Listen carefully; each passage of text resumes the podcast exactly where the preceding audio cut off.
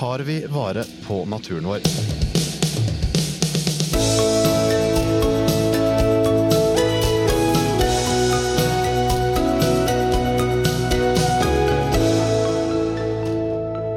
Hei og velkommen til en ny episode av Byggeindustrien og bygg.nos podkast Byggeplassen.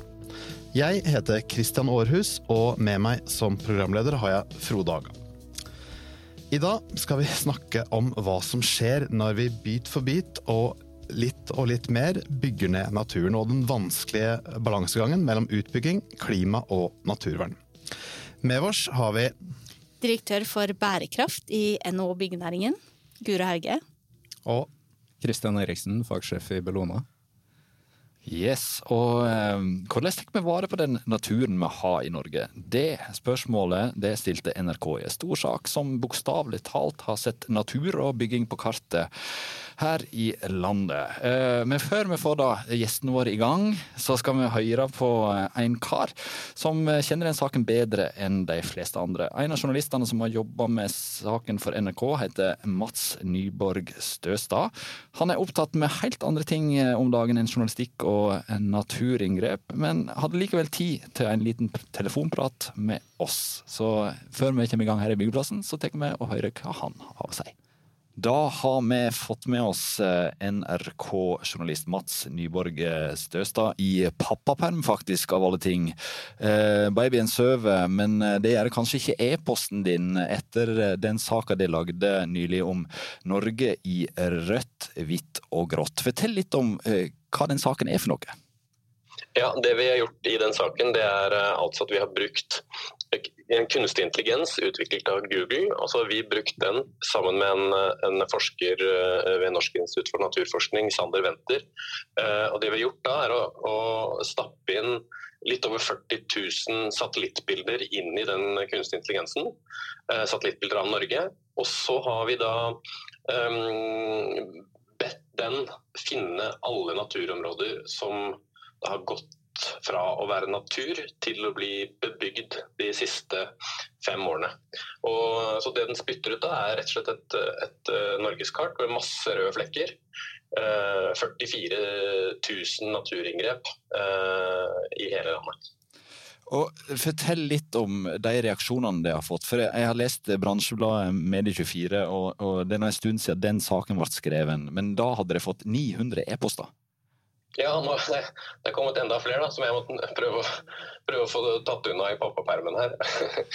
Det er, nei, det, er, det er, nå kommet inn et sted rundt 1300-1400 e-poster til meg personlig.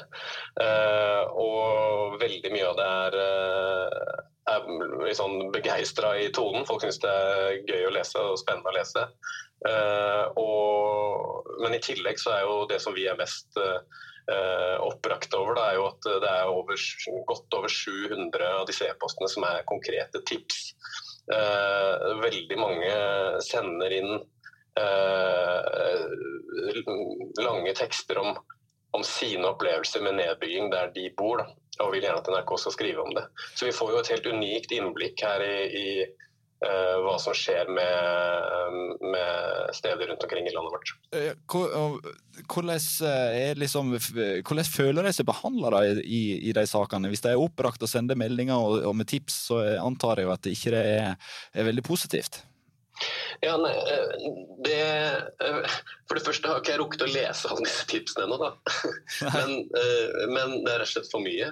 Men, men av det Jeg har jo lest veldig mye. og og eh, det er mange som opplever eh, at de blir eh, At de ikke har så mye de skulle sagt når det skjer bygging i deres nærskog, i deres nærnatur. Det kan jo godt hende at de i teorien eller i prinsippet har hatt alle muligheter til å lese kommuneplaner og involvere seg tidlig.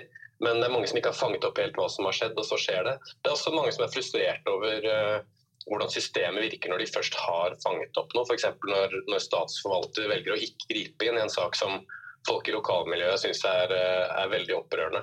Så, også, men så er det, så må jeg også si at det, det er jo veldig forskjellige opplevelser folk har. Da. Eh, men eh, av de som har valgt å sende inn til oss, så er det jo, har du helt rett i at det det er jo folk som hovedsakelig er opprørte, ikke folk som er glad over, over byggingen i, i, sitt område. Men noen er jo glad for å bygge òg, eh, bl.a. den næringen vi skriver om. Har du fått noen innspill, noen tips, noen reaksjoner fra byggenæringen? da? Ja vi har, vi har, jo, det må jeg jo si at vi har jo snakket med veldig mange i byggenæringa underveis i arbeid med denne saken. Uh, og vi kommer jo også til å publisere flere saker seinere i prosjektet som, uh, som, handler mer om systemet. Det vi gjorde i denne første saken, var jo hovedsakelig å vise uh, på en måte baksiden av, av byggemedaljen. og dokumentere hva som skjer med naturen. Eh, vi har jo ikke gått så dypt inn i alle dilemmaene. Eh, det kommer vi jo selvfølgelig til å gjøre etter hvert. Men vi har snakket med mange, og, og det, er, klart.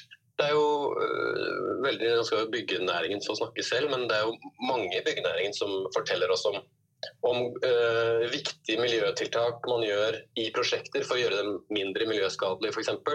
Og mange er selvfølgelig opptatt av at, at det er jo veldig mange gode grunner til å bygge, og det skriver vi også i den første saken.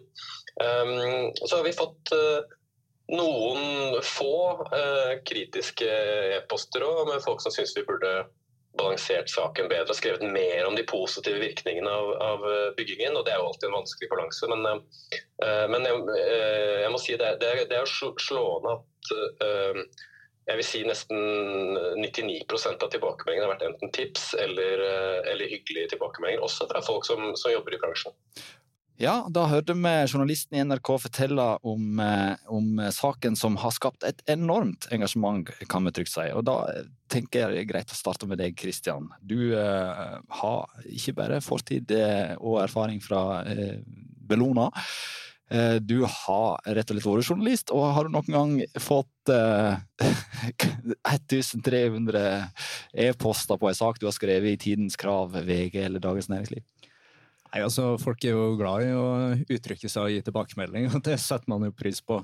Ofte som, eh, som journalist med 1300 henvendelser, det har jeg ikke det har jeg ikke fått. Nei, men det er i hvert fall noe som gir et uh, bilde på at dette er en sak som engasjerer. Og hvorfor er det det engasjerer så voldsomt? Altså, Denne saken her er jo helt unik, egentlig, uh, i, i, det engasjementet den har skapt, og som de henvendelsene uh, viser.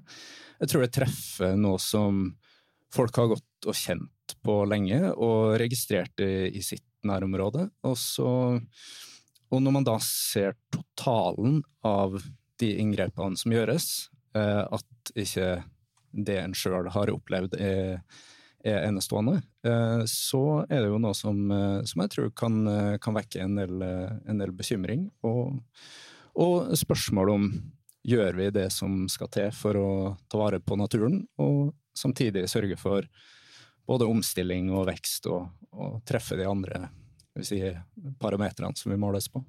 Guro, du har fortid i både Bellona og Zero, men vært mm. en stund i byggenæringen òg, og er nå i NHO-byggenæringen.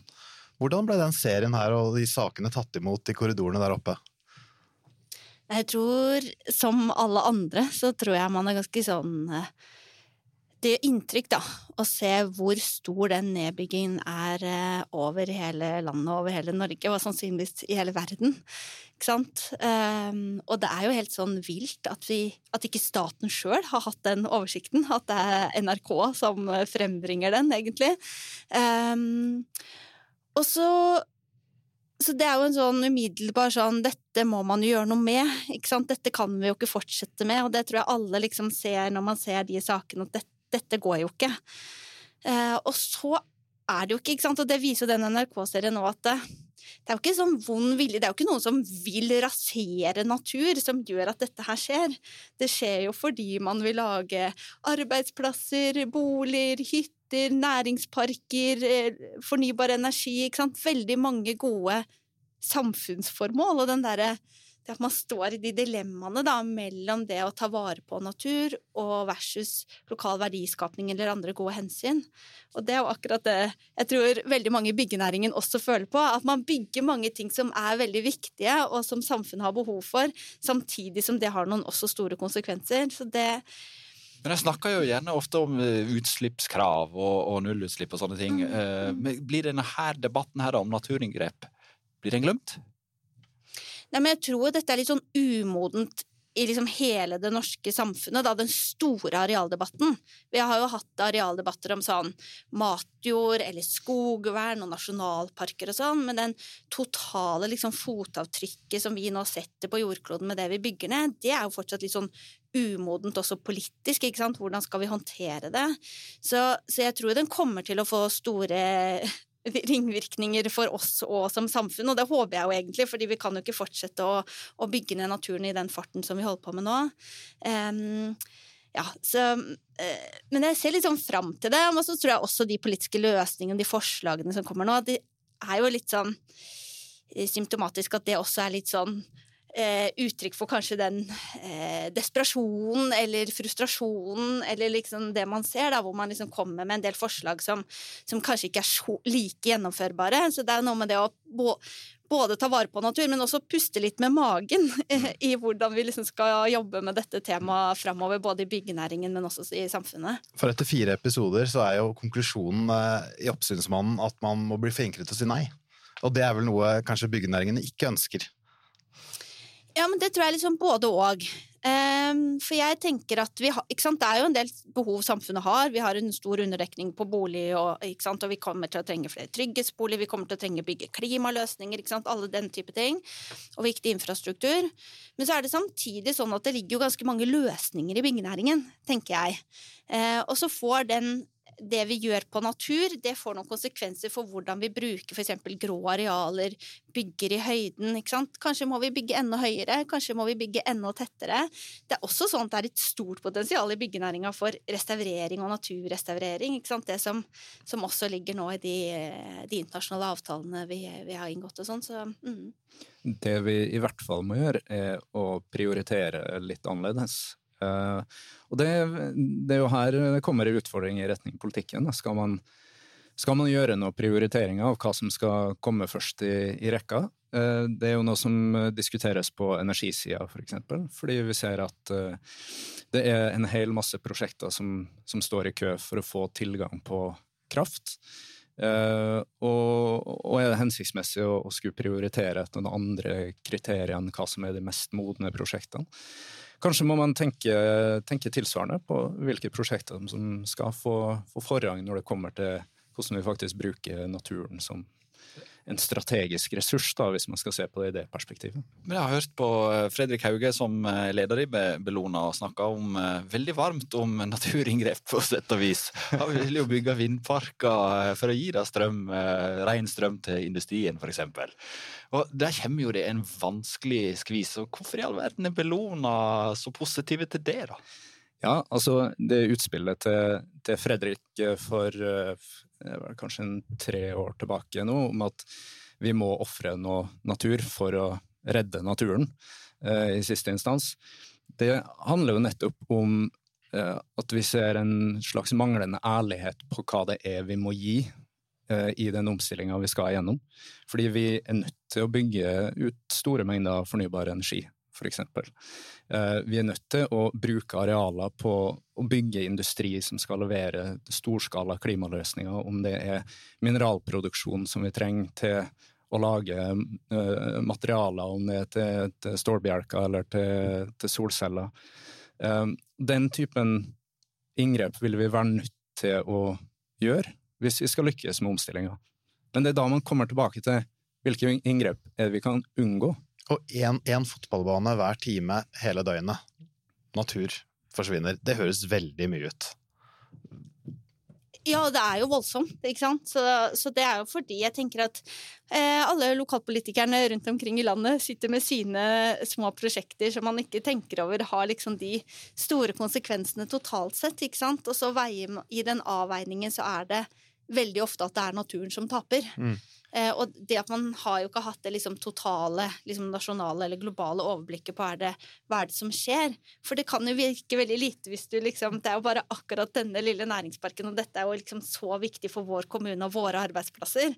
Eh, så det er jo så det er jo det som skjer, og det er jo det som blir også litt sånn utfordringen her. ikke sant? Fordi vi kan ikke ha en sånn naturpolitikk som ikke er også har god legitimitet og god forankring i, i, hele landet. For da tror jeg du får litt eh, de veldig sånn sterke motsetningene som vi ikke ønsker oss i oppslutningen både om å løse den naturkrisen som vi står i, og klimakrisen som vi står i, da. Og et av forslagene etter den serien her har jo vært å løfte det vekk fra kommunene og ta det opp et hakk. Mm. Er det en, eh, en løsning? At man har en mer helhetlig plan på natur? Ja, altså vi driver I NHO Byggenæring så har vi ennå ikke vi, lage, vi, er i gang med liksom vårt policyarbeid. Så Dette liksom, er ikke enkelt for NHO Byggenæringen, vil jeg tro. Nei, men jeg, eh, vi kommer akkurat fra styremøte, og jeg opplever at bedriftene er ganske sånn konstruktive i mm. akkurat det. Akkurat som man ser at det er andre rammebetingelser som man må forholde seg til, så må man også forholde seg til det. Og jeg tror at byggenæringsbedrifter er ganske sånn konstruktive og, og ha mange løsninger, da. Det er ikke sikkert at det betyr min, mindre, oss, mindre arbeid for oss å bygge på eksisterende veiinfrastruktur framfor å bygge ny vei. Mm. Det, er viktig, det, er jo viktige tiltak som man kan gjøre for å redusere naturinngrep. Det at vi må restaurere og ta vare på mer av bygningsmassen, er ikke sikkert ikke det, Da trenger vi fagkompetanse. Da. Det er alle de håndverksbedriftene som er organisert hos oss, tenker jeg det er viktig for dem. ikke sant? Eh, det å transformere mer de grå arealene, utnytte, bygge i høyden Det er ikke sikkert at det er liksom dårlig for våre bedrifter. Og så er det selvfølgelig at noen deler av dette vil være mer utfordrende. Sånn, sånn er det jo, på en måte. Men det fins masse løsninger, og sånn som Anleggskarten er noe kjempeoffensive. Sier sånn Vi vil gjerne drive med naturrestaurering. Det er et kjempemarked. De sier vel at 30% skal restaureres i, i den nye naturavtalen. Det er jo et, et, stort marked for byggenæringen, så det finnes jo også liksom kommersielle deler av dette. Da, som vi må positive Sider ved det. Men, men du, eh, før vi, før vi, satte på rekordknappen her i stad, så nevnte du Kristian, at eh, byggenæringen består jo av store, seriøse selskap òg. Eh, men så har du disse her små, kanskje useriøse aktørene som lusker rundt her og kanskje finner seg litt mer til rette, da. Ja, eller i hvert, fall, i hvert fall så er det Eh, veldig stor spredning i byggenæringa. Du, kan du kan på en måte ikke um, si at alt gjelder for alle, på et vis. For det er mange, mange, store selskaper, det er mange små aktører som jobber lokalt og under de forutsetningene som er, som er gitt lokalt. Uh, og uh, jeg mener jo ikke med det at det nødvendigvis er liksom vond vilje, eller at folk, folk, ønsker å gjøre større inngrep enn nødvendig.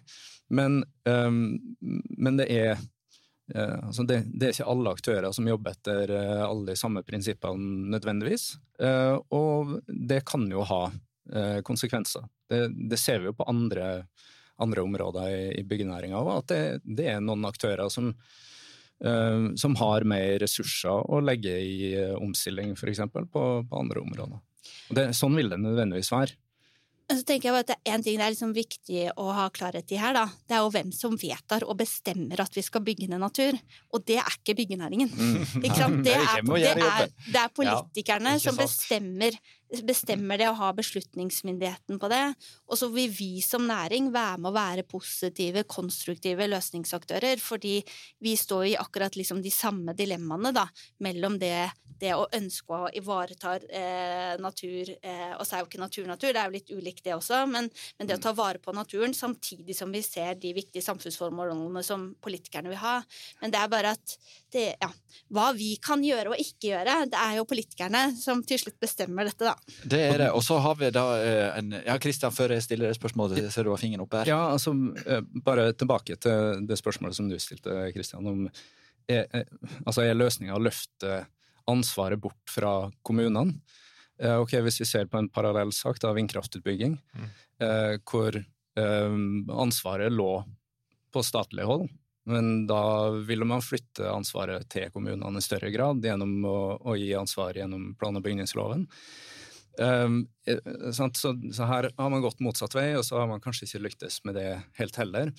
Jeg tror det, det vi i hvert fall er nødt til å gjøre, er å sørge for at vi har oversikt, uh, og at det, at det, er noen som kan være et rådgivende organ uh, på natur, og kanskje til og med uh, kunne si at i enkelte områder av, av landet så er det, det er bygd så mye at det som gjenstår av natur og økosystem i området, ikke vil klare ytterligere inngrep. For det er jo summen av inngrep vi ofte snakker om. Uh, har du et uh, tenkt reinbeitedistrikt i nord, hvor man både planlegger å bygge strømkabel gjennom, uh, kobbergruve og industriprosjekt, så er det summen av virkningene som man er opptatt av ikke det ene eller det andre prosjektet. Og så har du jo eh, en viss forskjell på byggeprosjekter og, og samfunnsnytten i det. Kanskje et hyttefelt eh, som blir en hytteby. Eh, ja, for den kommunen er det kjempeviktig for arbeidsplasser og den næringsutviklingen som skjer i kjølvannet og sånn. Men hva, kan jeg rangere disse her prosjektene? Hva, hva, kan vi tillate oss av prosjekt i natur, og hva, kan, hva får nei? Er det vanskelig å, å ta den diskusjonen? Jeg tror nok vi i Bellona i hvert fall vil mene at uh, fornybar energi og, og, og, klima- og industrirelaterte prosjekter er det viktigste å prioritere. Uh, ref diskusjonen tidligere. Ja. Uh, Men så har du en del hytteprodusenter, da, for eksempel, som, mm. som, det er en næring som, som sikkert vil ha store, store utfordringer med en avtale som Montreal-avtalen. Ja, men jeg tror også der så ser man jo liksom det samme bildet, og at man ser at det kommer til å komme politikk på dette området, og hvordan kan vi gjøre og utvikle innafor det som allerede er ganske nedbygd, ikke sant, framfor å ta nye store områder. Og det er jo litt det som jeg tenker med å sånn puste med magen, da, eh, hvor jeg ser at noen partier har sånn forbud mot eh, alle nye hytter. Ikke sant? Og så vet vi at det er plan, altså det er veldig mange store planer for nye hyttefelt. Det kan jo være bedre å bygge noen nye hytter innenfor eksisterende områder fremfor å ta og realisere noen eldre planer, ikke sant? som kanskje er mer skadelige når det gjelder naturinngrep enn, en det å bygge en, en, ny hytte. Så det her er jo liksom noe Det er jo mange ting vi skal gå opp nå i det arbeidet eh, med naturavtalen, tenker jeg, som, som blir spennende. Og der tenker er litt sånn som jeg tenker med plast. Når vi så liksom den hvalen som var full av plast, så var det mange kommuner som bare sånn Nå skal vi bli plastfrie, og man liksom mm. bare gønna på ut fra en sånn veldig gode hensikter, god vilje, man vil løse problemet. Du trenger det der visuelle. Og det er den oppvåkningen som NRK-saken har gjort, da. Det er det det er, men så fikk man jo sånne kommuner som skulle bli plastfrie. Og det er helt utenkelig. Og det er mange gode for eksempel, klimaløsninger i plast. Sånn at det her vi liksom må ha en fornuftig bruk. Da. Og det der å puste med magen nå når vi skal finne de gode virkemidlene, det tror jeg er kjempeviktig. Men Omdømmemessig da for byggenæringen. Det er jo en kjempeviktig næring for landet vårt. Med ja, hvor mange sysselsatte er det? Det er mange hundre tusen. Ikke sant? Det er jo Norges største fastlandsnæring, da. Ja. Eh, og det er jo veldig mange arbeidsplasser rundt omkring i hele landet. Men det her eh, Jeg tenker ikke at det her betyr ikke at vi ikke skal bygge. Det handler jo bare om hvor vi skal bygge, og hvordan vi skal bygge eh, fremover. Og så er det en del ting vi ikke kommer til å eh, bygge, ikke sant, på grunn, av de, på grunn av endrede rammebetingelser. Men det er jo fortsatt sånn, liksom Folk skal ha et sted å bo, og vi er jo helt enige med Bellona i at det må må gjennomføres og bygges veldig mange klimaløsninger eh, framover hvis vi skal klare å løse klimaproblemet. Sånn det er jo, og vi har en aldrende befolkning da, som skal bo i noen boliger forhåpentligvis litt lenger hjemme. sånn at men vi må finne gode løsninger for hvordan kan vi bruke eksisterende arealer, hvordan kan vi bruke grå arealer. Vi har jo mange bedrifter som er flinke på hvordan kan du bygge høyden, hvordan kan du bygge på det du allerede har. Det er jo mange sånne løsninger som vi må akselerere nå, da, tenker jeg. Og som det kanskje blir litt større politisk aksept for òg, for det er noen dilemmaer i det. Det er ikke alle steder man har lyst til å bygge så veldig høyt, f.eks. Nei, det blir alltid krangel om høgda og eh, solforhold og vindforhold og det, det, ene med det andre. Det er mange hensyn å ta. Uh, er du klar for å uh, bygge i høgden, Kristian?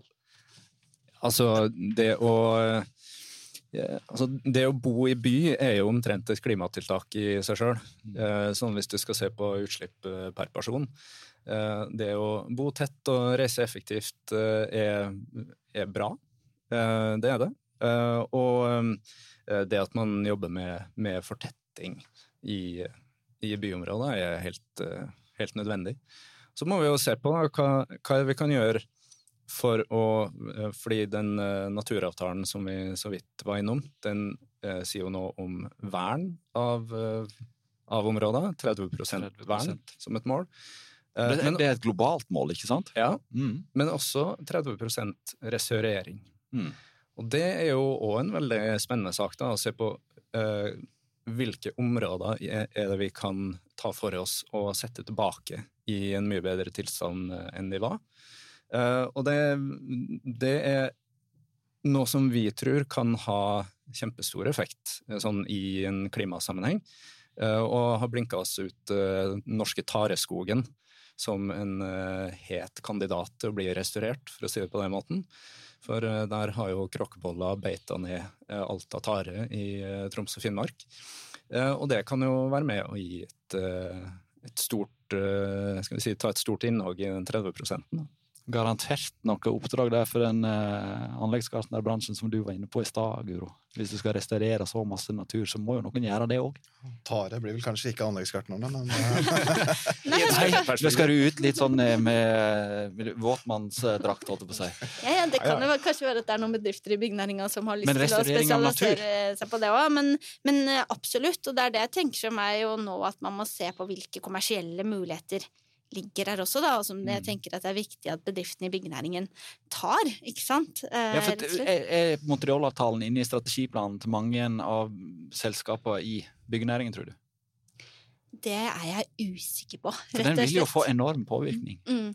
Og det er jo det Vi har jo sett at det er jo liksom varierende kunnskap både på, altså på klima har man kanskje kommet litt lenger, mens på dette området er man sikkert enda mer umoden for selskapene. Og det er nok veldig sånn at det er noen store som kanskje har snusa mer på dette enn en de som er litt eh, mindre og har mindre administrasjon og kapasitet til å se på det. Så her tror jeg vi må liksom jobbe sammen og hjelpe hverandre, da, sånn at eh, ja, alle blir ordentlig med på laget og på lasset på det her.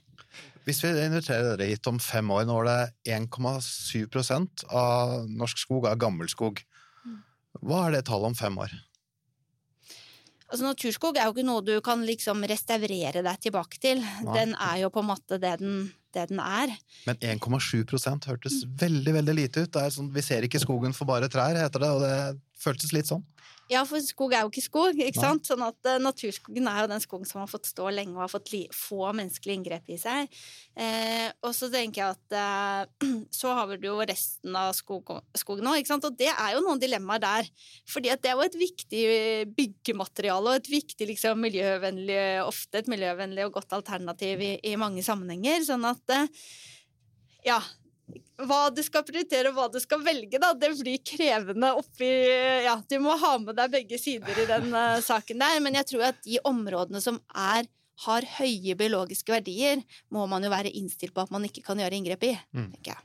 Vi, vi, får håpe at i hvert fall den 1,7 får, uh, får stå. Uh, at vi kan verne den. Og så må vi jo jobbe som bare rakkeren med å sørge for at vi klarer å møte forpliktelsene både konvensjonene om klima og natur og biologisk mangfold. Og det skal det jobbes ganske hardt for de neste årene. Da tenker jeg at eh, samtalen her har eh, ebba ut mot eh, slutten. Eh, vi har snakka om eh, tare, neste gang får vi snakke om tang, da, eller? Vi får se det, eh, om vi finner et eh, passende tema og passende gjester til å snakke om det. Takk uansett Kristian Eriksen fra Bellona og eh, Guro Hauge fra NHO Byggenæring for at det kunne komme hit i dag. Vi er snart tilbake med nye episoder av Byggeplassen.